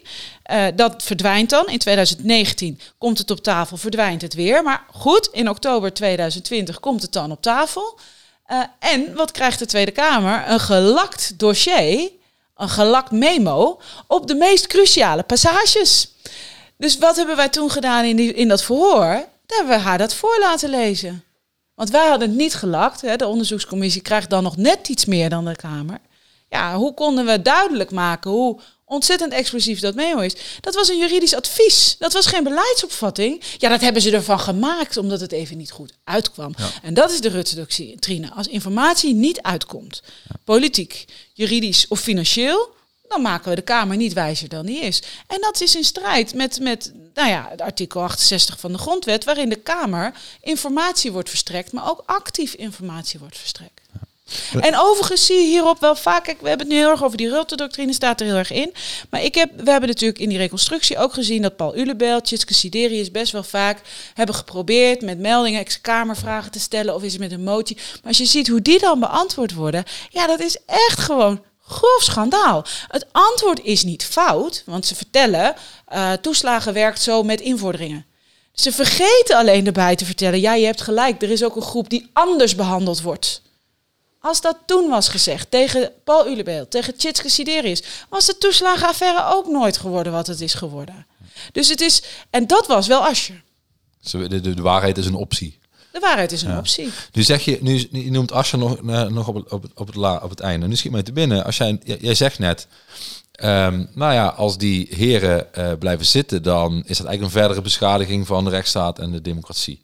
Ik val het nu even heel kort samen. Je zei daar veel eh wijzere en veel, je zei het veel beter Ja, dan maar het is een adequate samenvatting volgens Ja. mij. Ja. Maar wat betekent dat dan voor, eh, laten we zeggen, eventuele, sa- eventuele linkse samenwerking met de Partij van de Arbeid? Je hebt er dus kennelijk een lijsttrekker zitten waarvan jij zegt, ja, als hij blijft zitten, dat kan hij eigenlijk niet maken, want die ondermijnt eh, de rechtsstaat en de, eh, rechtsstaat en de democratie. Ja, kijk, ik denk dat eh, eh, samenwerking na verkiezingen, eh, dat moet je altijd heel pragmatisch bekijken. Maar dat legt wel, een, dat legt wel op voorhand een claim. Vind ik echt. Ja. Kijk, die informatiepositie van de Kamer is al jaren belabberd. Echt al jaren belabberd. Ook onder Rutte 2.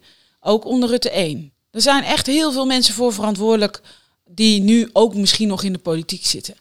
En wil je straks zeggen, na de verkiezingen, is het in ieder geval tijd dat we een eerlijke en open overheid krijgen. Die als ze een goed voorstel hebben, dat goed kunnen verkopen, maar in ieder geval niet de Kamer allerlei fabeltjes op de mouw gaat spelden of niet informeert.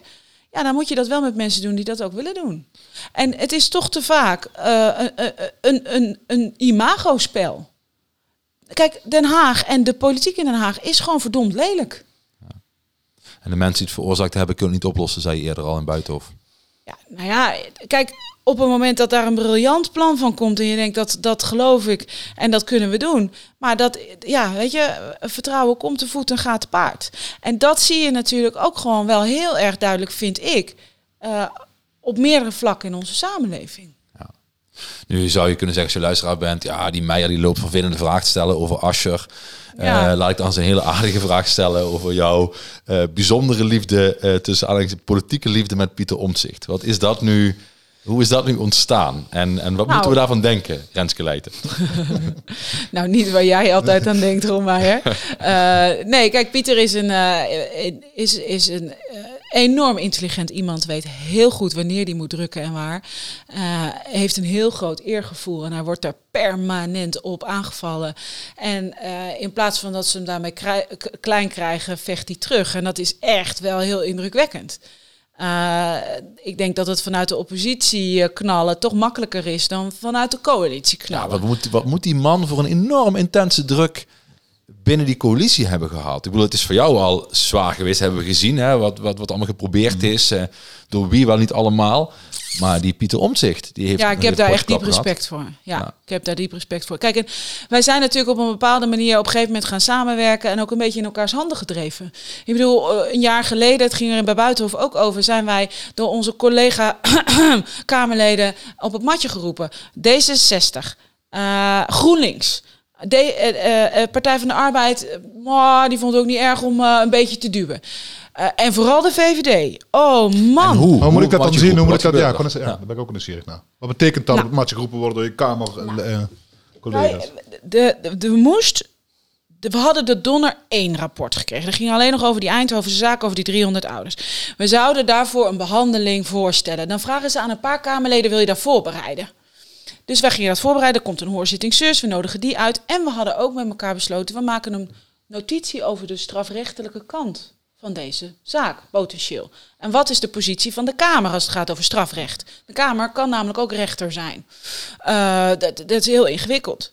En eh, die notitie, die kwam in de krant. Had ik niks mee van doen. Die notitie had ik nog niet eens gezien voordat hij al in de krant stond. Maar goed, dat hij in de krant stond, daar waren ze boos over. En toen zeiden ze, ja, jullie hebben een notitie laten maken zonder dat jullie dat eh, mochten doen.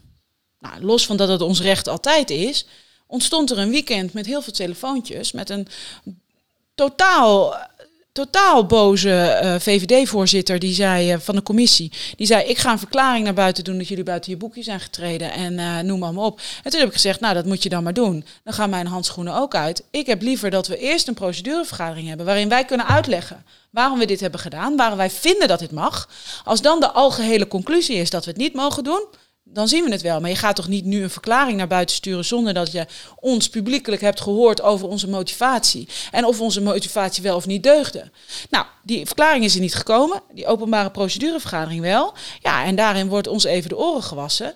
Maar uiteindelijk wordt er helemaal niet een conclusie door de meerderheid gekozen dat Pieter Omtzigt, Farid Azarkan van Denk en ik buiten ons boekje zijn gegaan. En wat helemaal het eraan was, wij mochten dan zogenaamd de strafrechtelijke kant van de zaak niet onderzoeken. Het ministerie was er al lang mee bezig. Dat is een notitie die dan vorige week weer kwam. Ze waren al lang bezig met wat betekent dit als hier strafrecht aan de hand is? Wat moeten wij dan als ministerie doen? Maar is dan het beheersen van de beeldvorming is dan eigenlijk belangrijker dan het Ja. vinden van de waarheid? Of Ja, en, en, en ik denk dat het ook echt een poging is geweest om het gezag van Pieter Omtzigt op dit dossier aan te tasten. Kijk, eh, dat Leiden lastig is, eh, dat, eh, dat weten ze wel langer. Maar die zit niet in de coalitie te storen. Ze wilden Pieter Omtzigt echt van het dossier af hebben. En dat hebben ze daar geprobeerd. En ik heb toen dat weekend tegen hem gezegd... jij gaat nu even helemaal niet meer bellen met niemand. We houden onze rug recht. Ik doe wel de telefoontjes. Zet hem maar uit.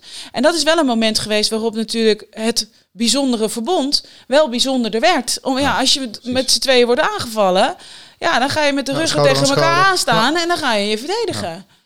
Wat heeft dit nu allemaal, Renske, vroeg ik mij eh, op weg hier naartoe af, wat heeft dat nu allemaal gedaan met jouw leiderschap? Dit, dit moet je, ja, dat kan niet anders dan dat het je als mens verrijkt heeft, eh, misschien ook eh, op allerlei momenten verontwaardigd heeft, maar het moet ook iets met je leiderschap gedaan hebben.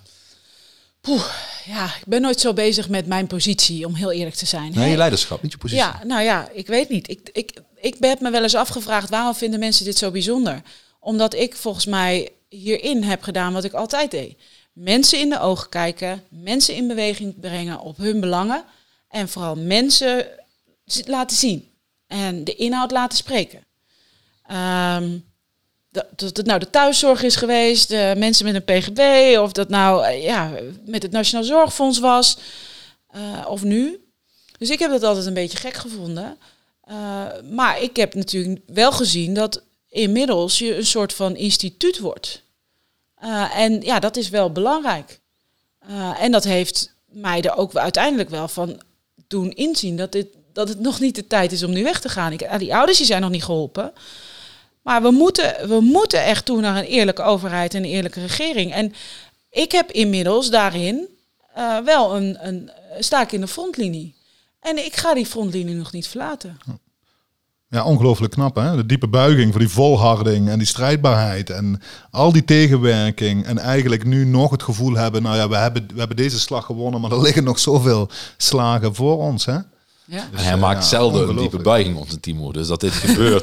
hij heeft al vla voor je gehad. In vlaaien moet ik zeggen. Maar Nee, hij zegt vlaai Vlaai is hier. goed, Eh, en een diepe buiging. Ja, ja, is zonder echt, meer, eh, zonder meer. En je Dus, bent eh, stil geweest vandaag. Ja, ik, nou ja, ik, neem op, ik ben er oprecht wel echt stil van. Ik weet niet hoe jij dat ervaart. Ja, nee, maar het is ook precies wat ik ook, probeer ja, even om- vast te stellen. Dat jij echt onder de indruk bent. Ja, zeer, zeer.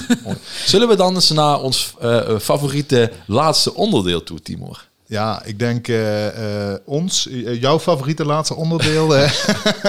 iets met voetbal of niet? Zeker, Ja. voetballen. Ja. Ken je, ken je, hou je van voetbal? Ken je Roda, Renske? Ja, Roda een ken ik vooral- vraag. Voetballen en Roda een samen. één gesplitst, hè? Ja, dus, Roda ken ik wel eh, van, eh, van Ron. Ja, ja, zeker. En ik hou ook van voetbal. Oké, Want, want, want jij was altijd fan, Renske, van Haarlem, toch? Ja, FC Haarlem. Ja, had een seizoenskaart. Stonden we lekker op de staattribune op de die aan Gijzenkade. En ik ben nog steeds lid van FC Haarlem. Ja, want we vroegen ons af, hoe kan dat? Nou, toen de betaald voetbalorganisatie failliet ging, toen hebben de supporters gezegd eh, tegen de curator: wij willen het logo en de naam hebben. En dat kon dan na een bepaalde tijd ook schuldenvrij, hè, want anders krijg je al die schulden er ook nog bij. Eh, en toen zijn ze naar een club gegaan. Toen hebben ze gezegd: van eh, wij komen er met zoveel honderd bij. En wij brengen dan naam en logo mee. En zullen we dan proberen toch weer een betaald voetbalorganisatie te worden. Dus ja, En dat- voetbal, en dat voetballen dus heel veel Haarlemmertjes. eh, kleine Haarlemmertjes, grote Haarlemmertjes. En die Jan en die Gijzenkade is nog nooit geslo- is nog niet gesloopt. Dat is heel lang op de nominatie geweest. Dus we kunnen gewoon zo terug en dan heb je ja, en wanneer, wanneer verwacht jij eh, weer, of wanneer verwachten jullie weer in de Eredivisie te zitten? Nou, kijk, wij zaten niet in de Eredivisie toen eh, de club failliet ging. Nee, kijk, ik ben niet meer zo'n volger dat ik weet wat de laatste stand van zaken in, welke hoofdklasse en hoe het allemaal is. Eh, maar ik vond het wel zo'n mooi verhaal dat ik ieder jaar keurig mijn contributie betaal. Ja, absoluut, absoluut. Klinkt goed. Klinkt en dus gaan we naar de voorspelling. De Ja. voorspelling. toch? Tegen wie spelen wij en wanneer? Ja, het is pijnlijk. Maar eh, 4 januari. Ja, jong AZ. Ik krijg dat jong strot niet uit. Potverdomme. Jong AZ Roda. Dat is eh, waar wij jouw voorspelling van. Wil je mijn voorspelling van Eh, hebben? Jij als absolute kenner, Ja. Geleid, hè? Jong AZ Roda. Dan denk ik toch dat degenen die eh, uit Noord-Holland komen eh, met de winst naar huis gaan. Oh jee. Oh, en met We hebben nog hoeveel? nooit- Met hoeveel? We hebben nog nooit een gast gehad die gewoon een nederlaag voorspelt. Ja, ja. Dat had overigens makkelijk gekund, eh, gezien de verloop van de competitie. Maar dit is de eerste. Ja, we hebben ook, ik denk ook dat Ja, kijk, nooit... de- de dit is gewoon ook onze eerlijkste gast. Dat kan. Ja, dat, De, dat is de Alkmaar-Zandam combinatie is natuurlijk ook wat dichterbij voor mij. precies. Eh, ja, hoeveel zou dat worden? 4-0? Mijn hemel zeg, zullen we wel wegsturen? Wat is dit? Hij was al we nu opgenomen. hè? makkelijk zeggen, de podcast is bijna ten einde. Ja, Dus eh, eh, klaar nu. nou, toch? weet je wat dan? Als, als, als tegenwicht zeg ik 0-4. Voor Roda uiteraard. Ik zie je op Twitter. Ja, Dus, inderdaad. Renske Leijten, dankjewel voor de geweldige, indrukwekkende ehm, ja, eh, bijdrage, je verhalen, je ervaringen. We zijn echt eh, eh, Ja. zwaar onder de indruk. Zeer zeker. We gaan door. Ja, heel mooi. Hey, dank. Dank.